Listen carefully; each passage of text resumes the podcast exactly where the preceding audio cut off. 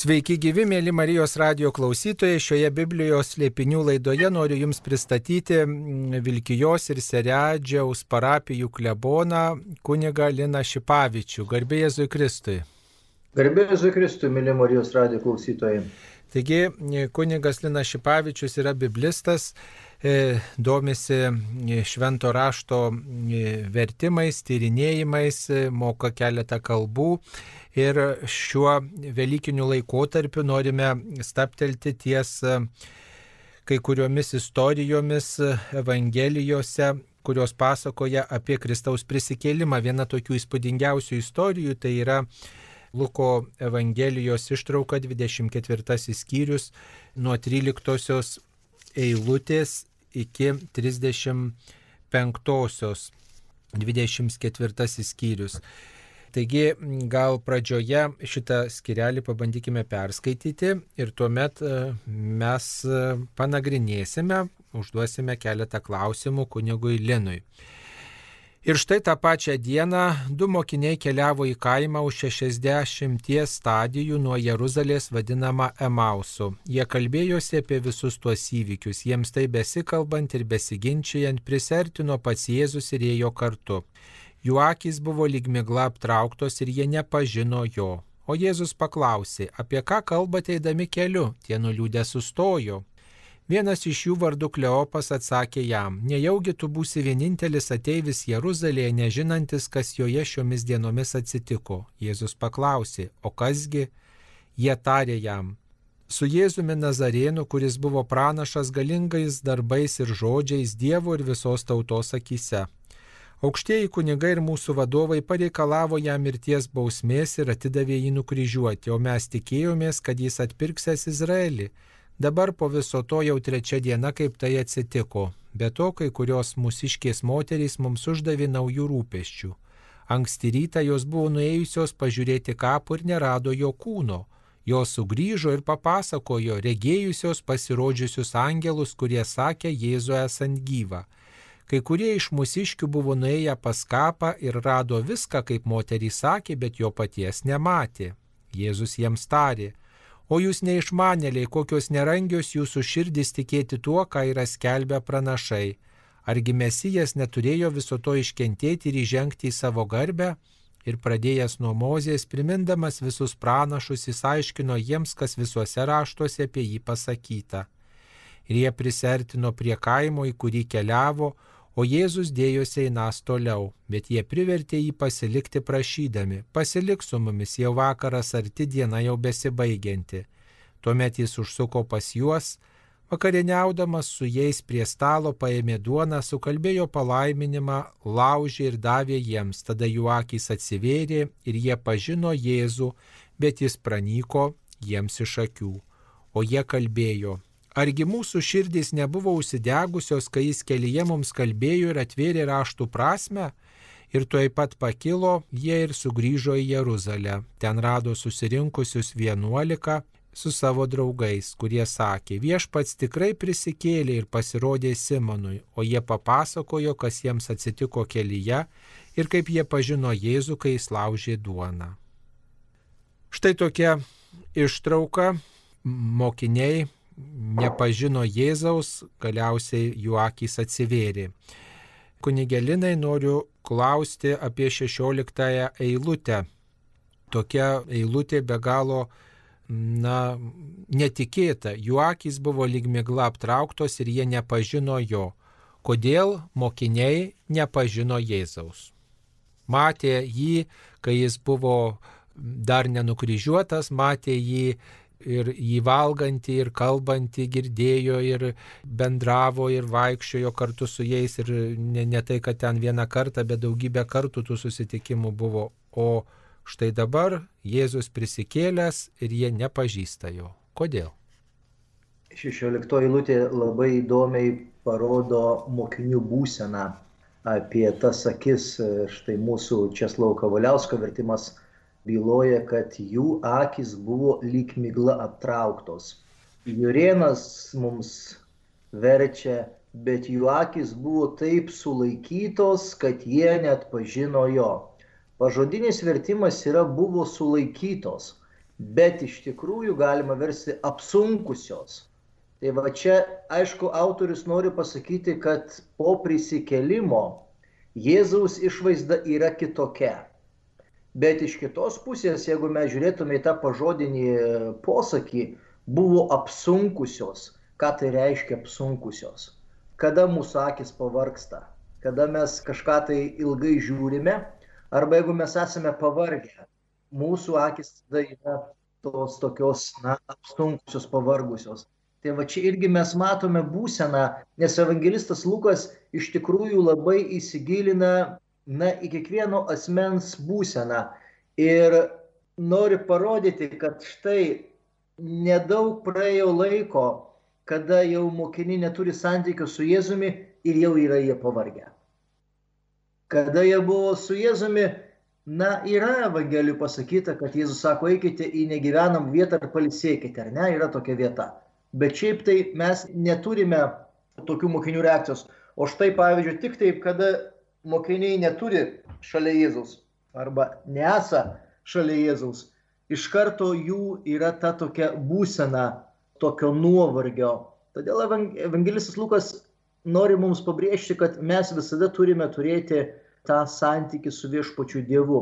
Bet truputėlį grįžtant atgal, reikia pasakyti, kad šitas pasakojimas toksai pilnas, išdirbtas pasakojimas apie Emauso mokinius, tai yra tik tai Luko Evangelija. Tai yra Luko evangelisto būtent ta redakcija.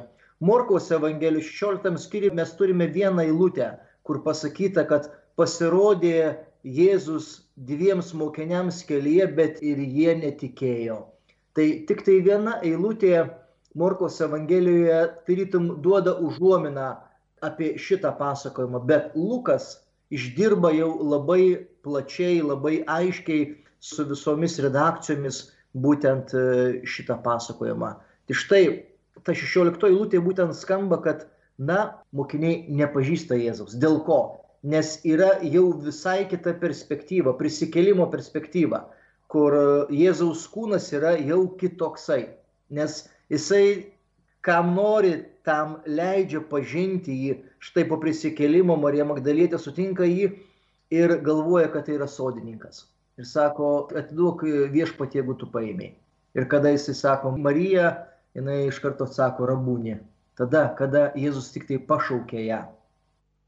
Įdomi taip pat eilutė, truputėlį, jeigu mes grįžtume atgal, aišku, čia tas ir gal netgi nuo 13 eilutės kalba apie 60 stadijų nuo Jeruzalės buvo mokiniai, kurie keliavo į Emausą. 60 stadijų tai yra maždaug yra 11 km. Toksai yra atstumas. Jau mokiniai yra nukeliavo nuo Jeruzalės ir tenai įvyksta šitie dalykai.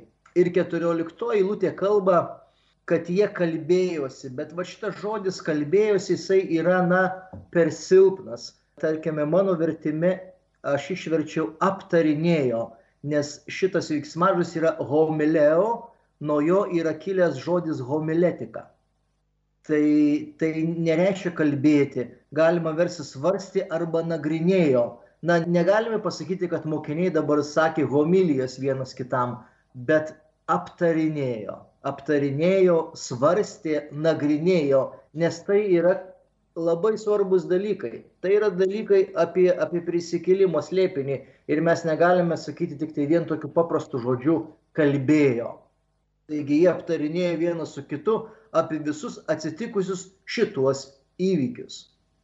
Ir penkioliktoji eilutė toliau tą patį, tą patį e, žodį vartoja. Ir kai aptarinėjo jie ir ginčinosi kartu, ir pats Jėzus prisertinės ėjo kartu su jais. Pažiūrėkime iš tikrųjų, kokia mokinių būsena, ar ne? 15 eilutė Kavaliauskas verčia jiems taip besikalbant ir besiginčinant prisertino pats Jėzus ir ėjo kartu.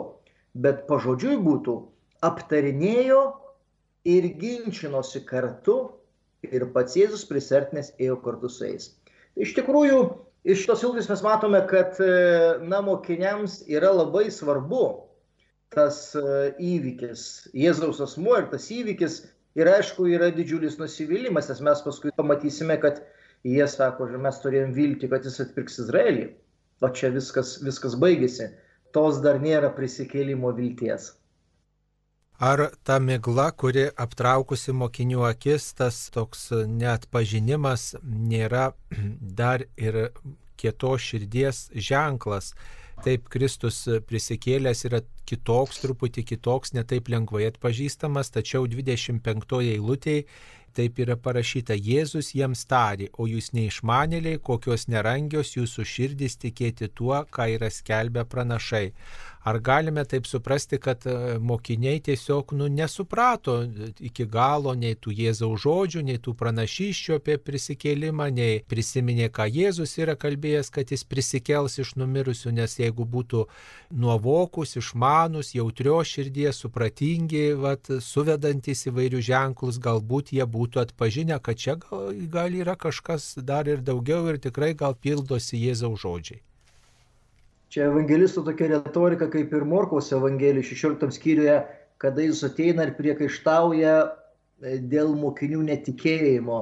Tai čia taip pat mes jaučiame tą tokį priekaištą Jėzaus mokiniams. O jūs neišmanėliai ir vangus širdimi tikėti viskuo, ką kalbėjo pranašai. Tai tas vat yra momentas, kad na, Evangelija parodo, kad mokiniai nors ir buvo šalia Jėzaus, visus tuos tris metus ir matė jo stebuklus ir girdėjo jo žodžius ir matė kitus dalykus, bet vis dėlto buvo koncentracija į tą dieną galbūt ir nebuvo to tokio eschatologinio žvilgsnio.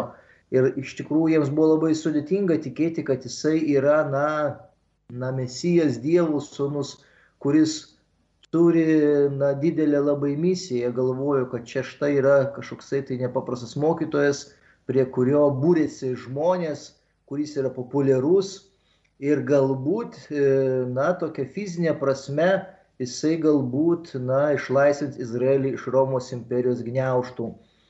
Bet ta dvasinė prasme, kad kažkas tai vyktų, kad jisai čia atpirktų bent Izraelio tautą arba netgi ir visą pasaulį, dar kažką tai, tai aišku, mokiniai to negalvojo.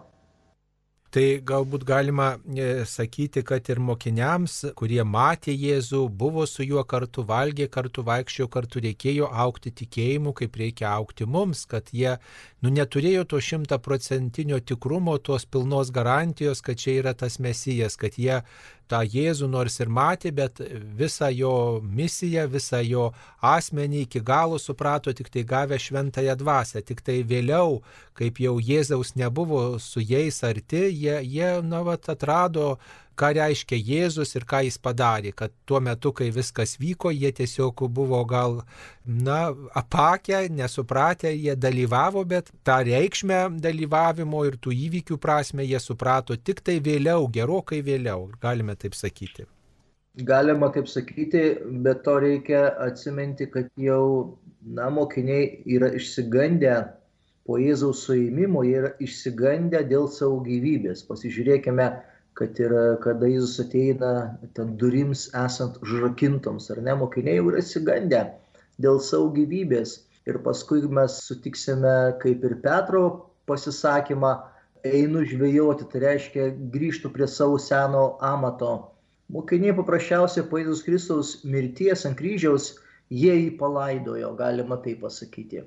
Ir vėl grįžta visi į seną vagą, į savo senus gyvenimus. Ir šitie mokiniai turbūt, e, kurie na, gyveno Emause, vienas yra Kleopas, kitas neįvardintas mokinys, jie matyt grįžta į savo gimtą kraštą, į savo namus ir vėl galvoja, kad pradės e, gyvenimą toliau gyventi. Bet va štai tas evangelisto Luko pasakojimas mums parodo, kad Jėzus neleidžia žmogui grįžti vėl į tą seną gyvenimą, jeigu jisai buvo su Jėzume. Čia taip pat mes galėtume kalbėti ir apie nuodėmę. Jeigu žmogus jau yra su Jėzumi, jeigu jisai yra pažinęs ir įtikėjęs, tai Jėzus nori, kad jisai būtų tas žmogus su juo. Ir kad jisai nebūtų nuodėmėje, arba kad jisai nebūtų, na, kažkaip tai atsitolinęs, atšalęs nuo jo, nusisukęs, bet kad jau būtų visą gyvenimą su juo būti to mokinio. Ir štai šitoje vietoje mes labai aiškiai matome, kad Jėzus netgi dėl dviejų tų mokinių, ar ne jisai ateina, jisai pasirodo, kurie jau yra nutolę nuo Jeruzalės 11 km. Ir jie dar nueina truputėlį toliau ir paskui prie vakarienės stalo viskas išaiškėja. Dar apie tuos du mokinius. Įdomu, kad tas Kleopas paminėtas e, šventam rašte, Naujajam testamente tik tai vieną kartą. Luko Evangelijos 24 skyriuje 18 eilutėje, būtent šiame epizode, o daugiau mes apie jį nieko nežinome. Gal iš kitų šaltinių arba iš kitų tyrinėjimų, kas nors yra žinoma apie tą Kleopą, kas jis toks buvo, koks mokinys, kaip tą Jėzų sekė. Aš čia truputėlį anksčiau skaičiau apie jį dabar tokios gal šimtaprocentinės žinios nėra, bet kiek aš pamenu, jisai yra muitiniko Levio tėvas. Yra tokia interpretacija. Ir jisai tuo pačiu ir buvo levitas, jeigu, jeigu muitiniko Levio tėvas buvo, vadinasi, na, teisų žmogus buvo, tikras izraelitas. Tai tokia būtų viena iš teorijų apie Kleopą.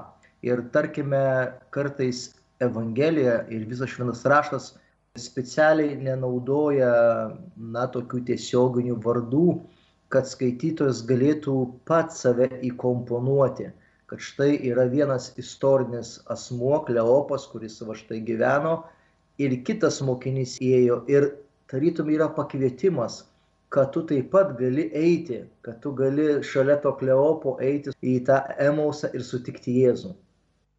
Ir tai iš tikrųjų, na, nuostabi meditacija, nes mes, kada kalbame arba išgirstame meditaciją, mes puikiai tik tai žinome, kad ten kažkokius tai rytų kultūrose, rytų religijose, bet mes taip pat krikščionybėje, katalikų bažnyčioje mes turime meditacijas vat, kaip tokia, kad, sakykime, mes galime save perkelti į tą tekstą ir galime įsivaizduoti ir, ir jausti, kad štai aš einu kartu su Kleopu ir, ir, ir su juo ginčinuosi ir ateina Jėzus.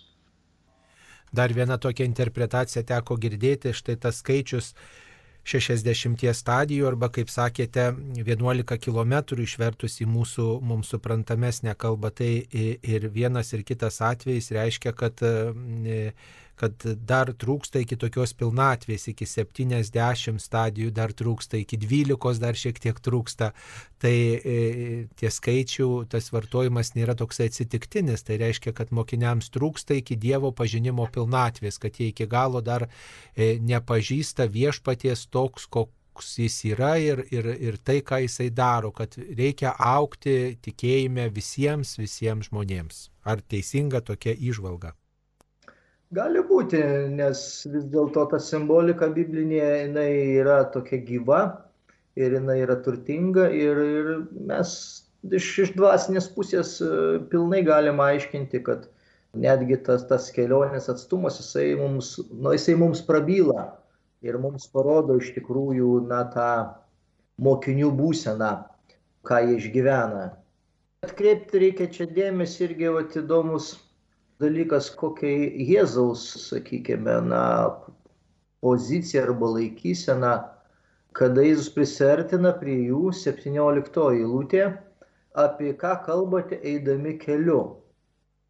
Pažodinis vertimas, kas per žodžiai šitie, kuriais pasikeičiate vieni su kitais eidami. Koks gražus čia toks jaučiamas tas semitinis, aramėjiškas tas koloritas kas per žodžiai šitie, kuriais pasikeičiate vieni su kitais eidami. Ir kokia mokinių reakcija? Tie nuliūdė sustojo, bet tarkime, aš išverčiau ir sustojo paniurę. Nu, vat, parodo evangelistas, kokia mokinių būsena, netgi ta, sakykime, na, čia galbūt per daug pasakysiu, bet tokia psichologinė būsena, ne, kaip, kaip jie jaučiasi. Atsakydamas gyvienas vardu Kleopas tarė jam, tu vienintelis gyveni kaip ateivis Jeruzalėje ir nežinai, kas yra įvykę joje dienomis šitomis.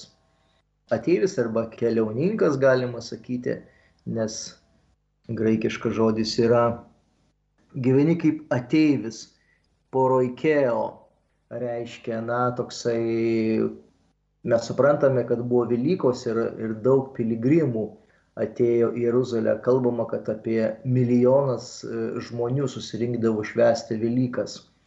tai galbūt vat, mokiniai irgi traktuoja Jėzų kaip, kaip tokį piligrimą, kuris atėjo į Jeruzalę švęsti Velykas ir nieko iš tikrųjų nežino.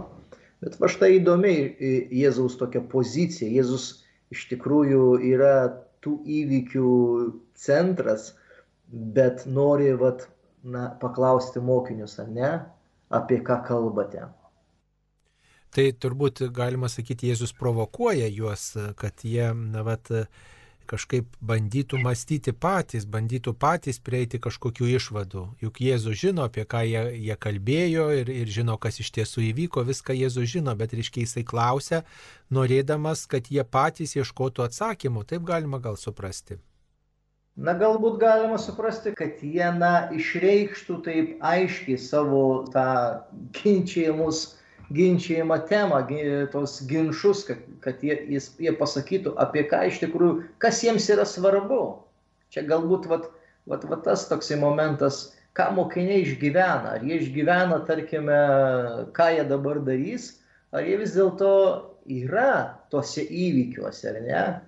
Ir, ir čia mes matome, kad vis dėlto nu, jie yra tuose įvykiuose, jiems yra svarbus tas Jėzus asmo ir, ir, ir tas visas jo padarytas na, darbas. Mes dar nekalbame apie prisikėlimą, bet apie, apie kančią, apie, apie kryžių, apie mirtį.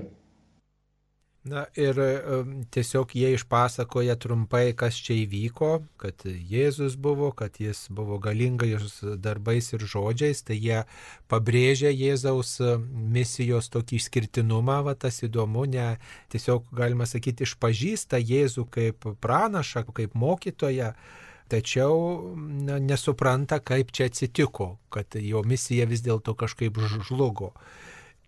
Ir, reiškia, ir jie nesupranta, kaip čia jisai dingo iš to kapo. Tai galima taip e, pasakyti, kad e, mokiniai tiesiog yra kelyje, jie yra kelyje ne tik tai geografinė prasme, bet ir tokia tikėjimo prasme, kad jie svarsto ir nesuvokia tų įvykių prasmės. Šita eilutė yra labai svarbi.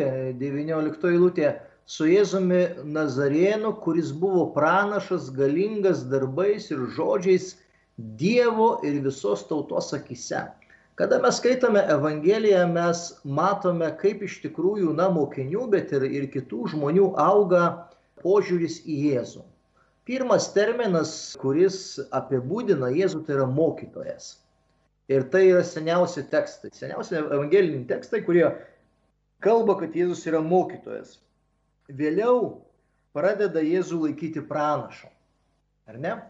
Tai yra jau vėlesni tekstai ir mes matome, kad na, auga mokinių tikėjimas, auga ir tų žmonių tikėjimas ir Jėzų laiko pranašo. Paskui trečias momentas yra, kad Jėzus yra Dievo sūnus.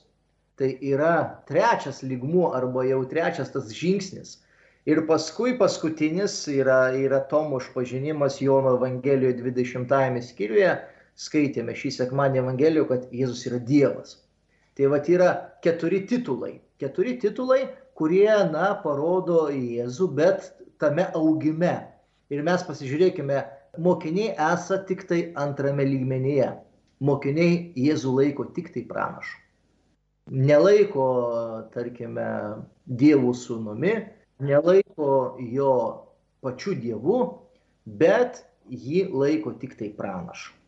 Ir va čia tas parodomas jų tikėjimo lygmuo, kad Jėzus iš tikrųjų buvo pranašas, buvo vyras pranašas, galingas darbu ir žodžiu, akivaizdoje Dievo ir visos tautos.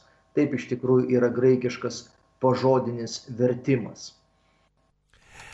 Jėzus e, į šitą visą jų pasakojimą, kai trumpai perteikia visą Jėzaus gyvenimo istoriją ir pralaimėjimą, evangelistas Jėzaus žodžiuose užrašo tokį sakinį, argi mesijas neturėjo viso to iškentėti. Tiesiog turbūt čia vienintelė vieta, kur pristatomas kenčiantis mesijas, turbūt čia aiškiausia E, nuoroda būtų į pranašą Izaiją, į 53 skyrių, į kenčiantį Dievo tarną. Turbūt čia bus vienintelė vieta Evangelijose, kur Mesijas pristatomas kaip kenčiantis, Mesijas, kuris turi kentėti.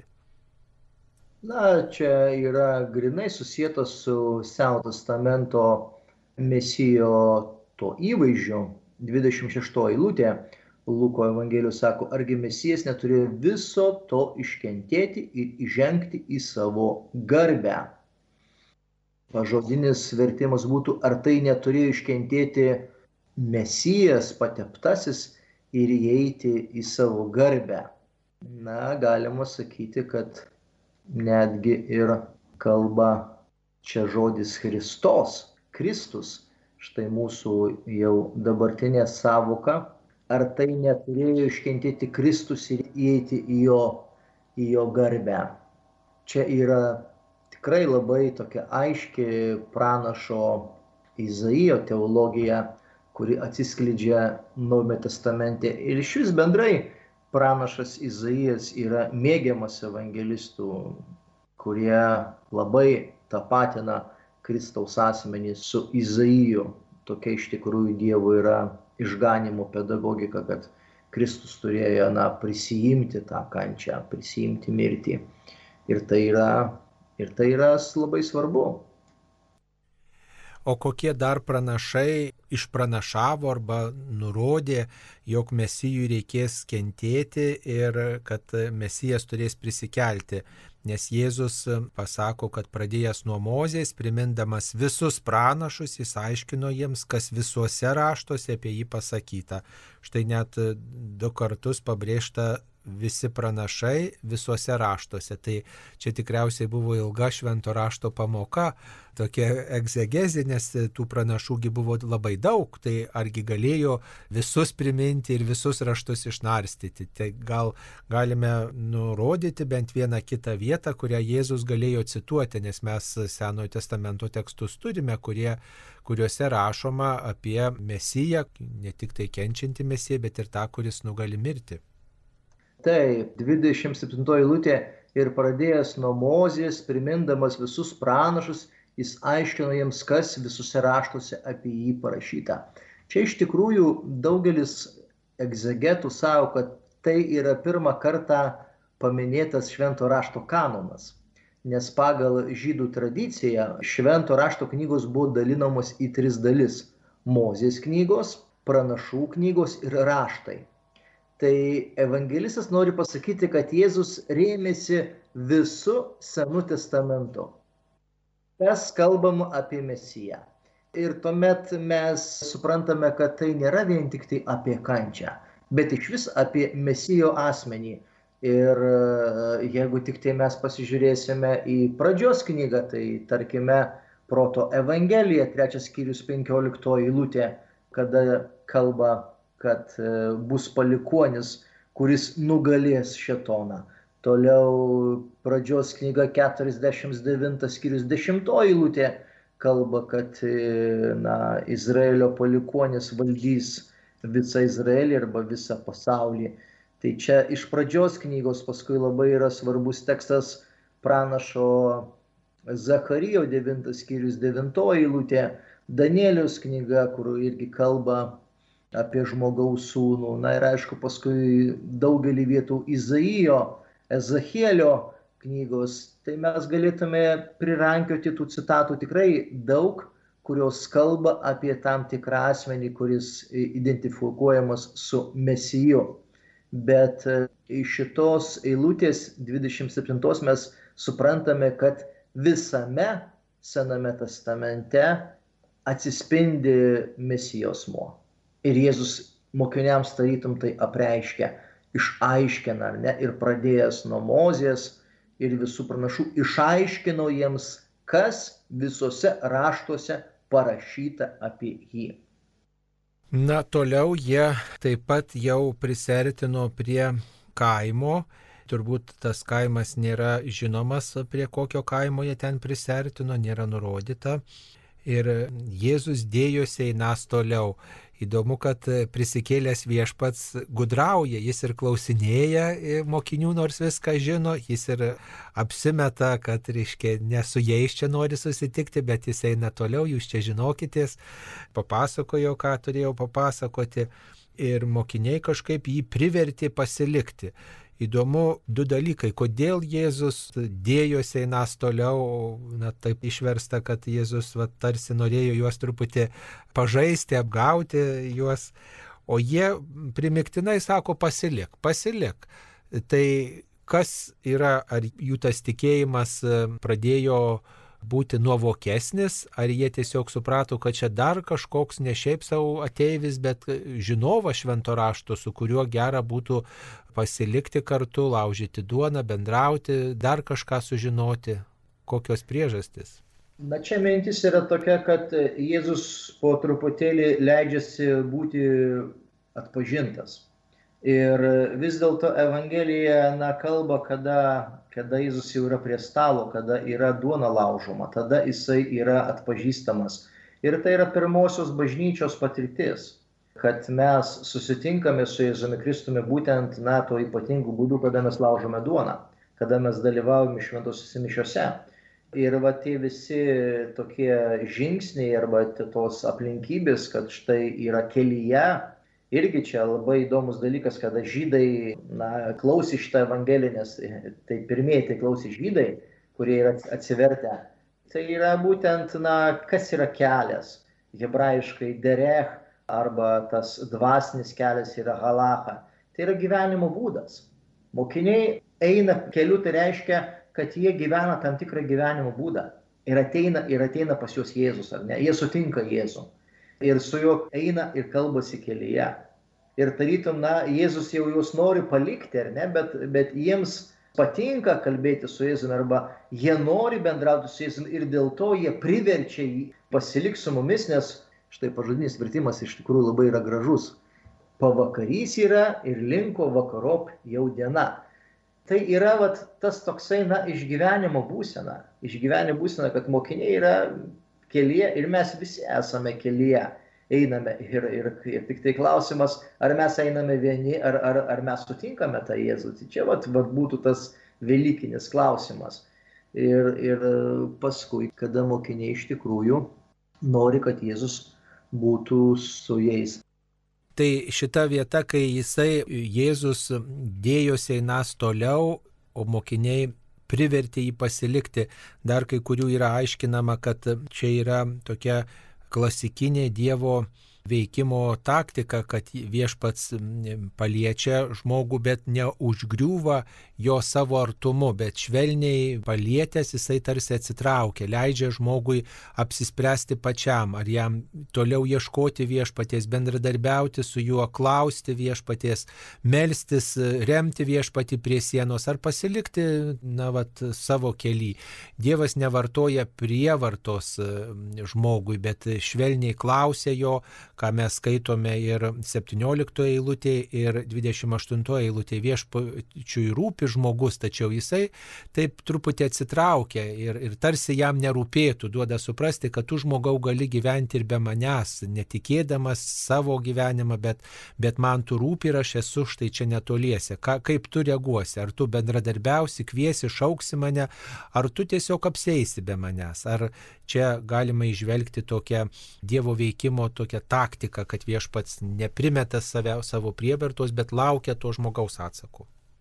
Bet čia mintis dar toje, kad čia atsispindi tas Seno testamento vad Dievas, kad jisai yra, na, paslaptyje, jisai yra slėpinys, jisai tarytum, na, slepiasi nuo žmogaus ir kiek žmogus ieško, tuo jisai labiau slepiasi.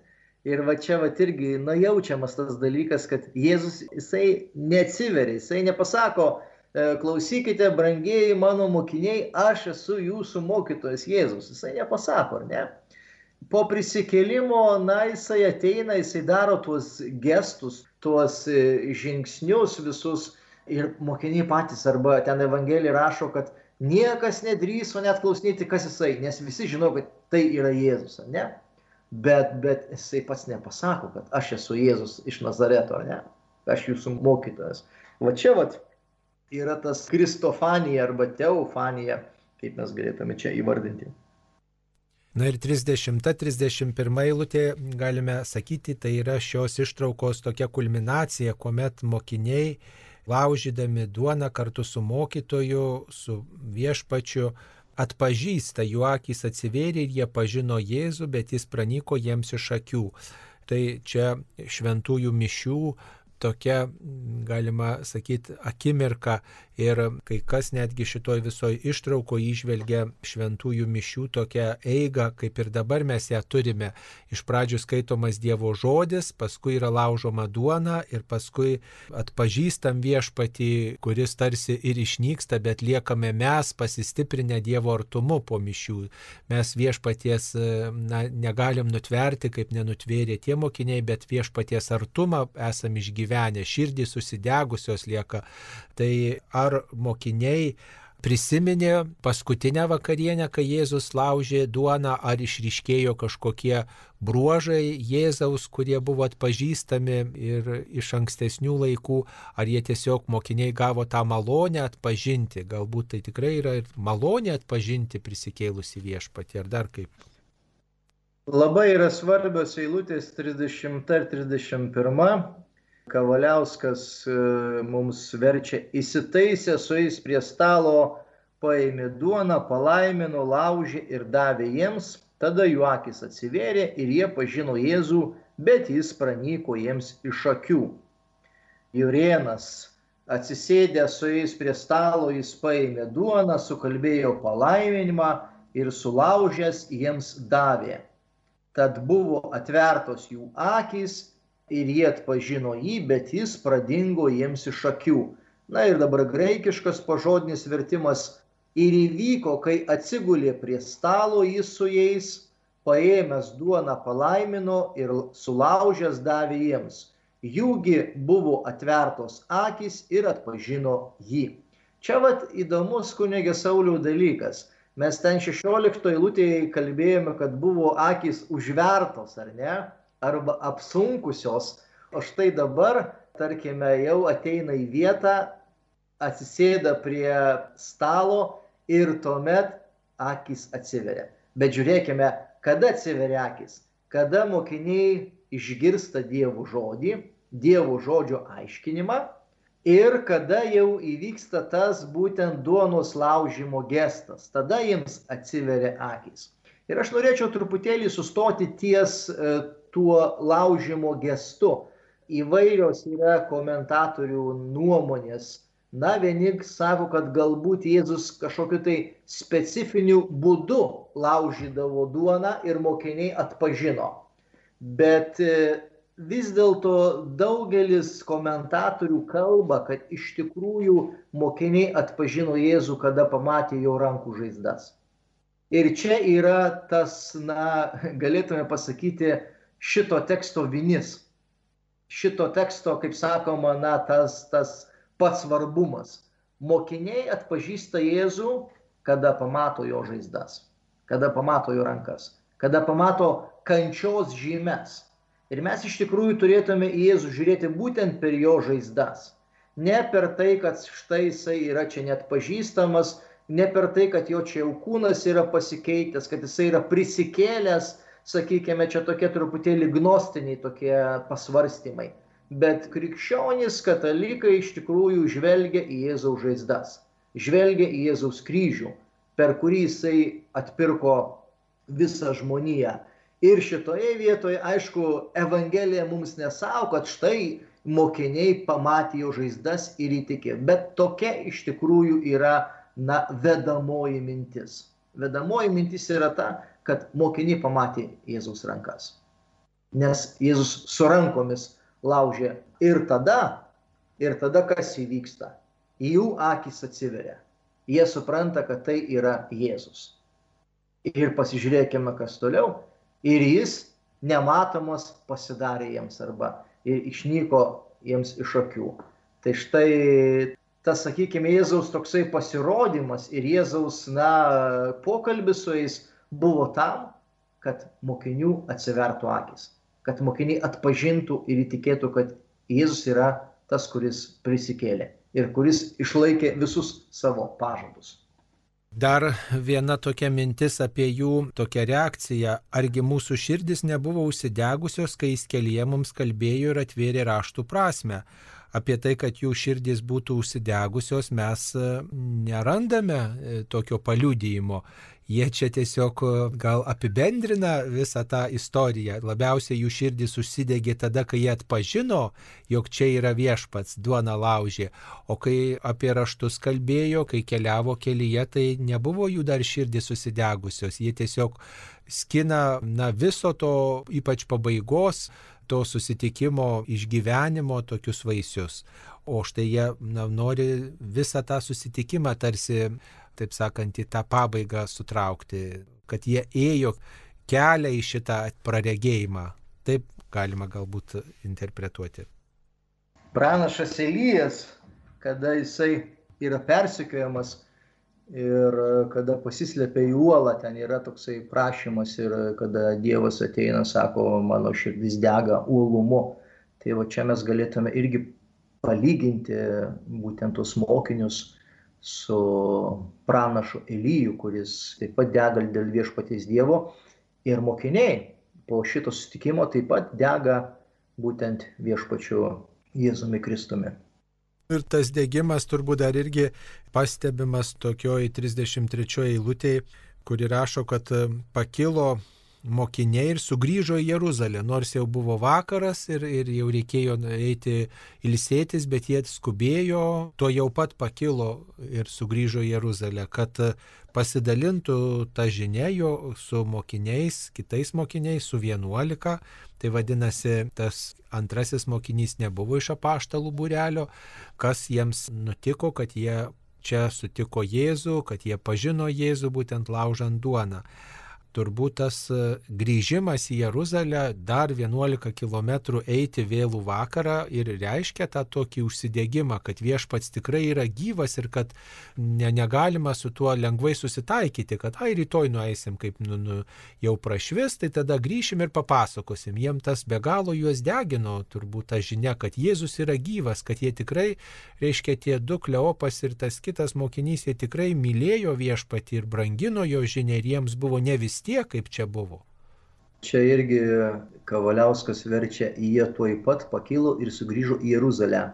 Vartoja žodį tuoj pat, bet pažodžiui būtų ir pakilę tą pačią valandą. Sugrįžo į Jeruzalę ir rado susirinkusius vienuolika ir buvusius su jais. Autorius nori pasakyti, kad tuoj pat, ar ne, tą pačią valandą, tą pačią minutę po šito įvykio tarkime, na, taip logiškai mastant, na, vakare, kada tamsu jau niekas nekeliauja, jau esti visi namuose, jau, jau, jau vakarienė įvykus ar ne, bet čia va irgi parodoma, kad kaip jiems buvo svarbu, kad jie viską vėl meta ir vėl grįžta į Jeruzalę pranešti mokiniams labai svarbios žinios, tos gerosios naujienos, kad tikrai Jėzus prisikėlė. Ir 34 eilutė kurie sakė, viešpas tikrai prisikėlė ir pasirodė Simonui. Tarytum, va štai ir tų Jeruzalės mokinių liūdėjimas atitinka jų liūdėjimą, kad sako, taip, sako, tikrai, sako, viešpats prisikėlė, pasirodė Simonui, ar ne? Kas tas Simonas? Tai yra Petras, antras jo vardas - Simonas. Ir tiems taip pat iš Emauso mokiniams pasirodė Jėzus. O jie papasakojo, kas jiems atsitiko kelyje ir kaip jie pažino Jėzų, kai jis laužė duoną. Ir atkreipkime dėmesį vėl, 35 eilutė pabrėžia, kada atpažino Jėzų. Ne kada jisai aiškino jiems raštus, ne kada ten jisai kalbėjo kelyje, bet kada buvo laužoma duona. Ir vėl mes sugrįžtame prie ko? Prie Jėzaus žaizdų. Galbūt tas Jėzaus žaizdų kalbėjimas e, dabartiniam žmogui galbūt toksai yra arhaiškas, ar toksai galbūt žiaurokas, bet tai yra realybė. Tai yra kančios realybė. Nes pirmieji krikščionys ir pir, pirmaisiais amžiais bažnyčia kovojo būtent su visomis erezijomis, kurios kalbėjo, kad, na, kadangi jis buvo Dievas, jisai negalėjo taip uh, tikrai brut, ir brutaliai kentėti. Čia buvo tik tai toksai, na, pusiau Bet Evangelija sako, taip, Jėzus buvo Dievas ir žmogus. Ir jisai gyveno ir žmogaus, ir dievų gyvenimą. Ir jisai tikrai kentėjo. Ir jisai tikrai mirė. Ir jisai tikrai buvo prikeltas. Ir po prisikėlimo jo kūne buvo likusios žaizdos.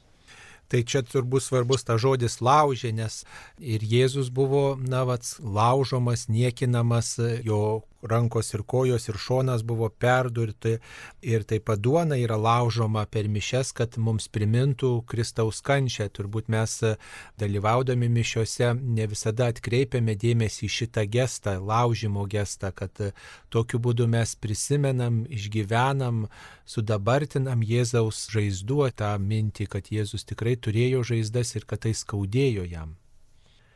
Na būtent tas toksai, na čia realus išgyvenimas, tikras išgyvenimas realybės, tos kančios realybės. Ir, ir tai yra na, pasiliekantis tie padariniai. Taip, tai šita ištrauka, Luko Evangelijos ištrauka iš 24 skyriaus mums visiems primena šventasias mišes, kuriuose dalyvaujame, kuriuose yra sudabartinama Kristaus auka, bet kartu ir išgyvenamas jo prisikėlimas, nes viešpats uždega mūsų širdis, viešpats yra sutinkamas, atpažįstamas mišiose ir galime dalintis šitų džiaugsmų viešpaties pasiaukojančios meilės, dėmesio žmogui mintimi vieni su kitais ir išgyventi, kad viešpats yra gyvas ir taip kaip drąsino mokė tuos mokinius Emauso kelyje, taip ir mus visus gali viešpats dabar pamokyti savo žodžiu ir taip pat savo artumu šventojoj komunijai. Mėly Marijos radio klausytojai, šioje laidoje su Vilkijos ir Seredžiaus parapijų klebonu kunigu Linu Šipavičiumi kalbėjomės apie Luko Evangelijos 24 skyrių, mokinius iš Emauso, kurie atpažino viešpatį linkime jums taip pat viešpatį atpažinti savo gyvenime ir darbuose. Čia buvau ir aš, prie mikrofono kunigas Saulis Bužauskas. Būkite palaiminti viešpaties artumu jums. Sudė. Sudė.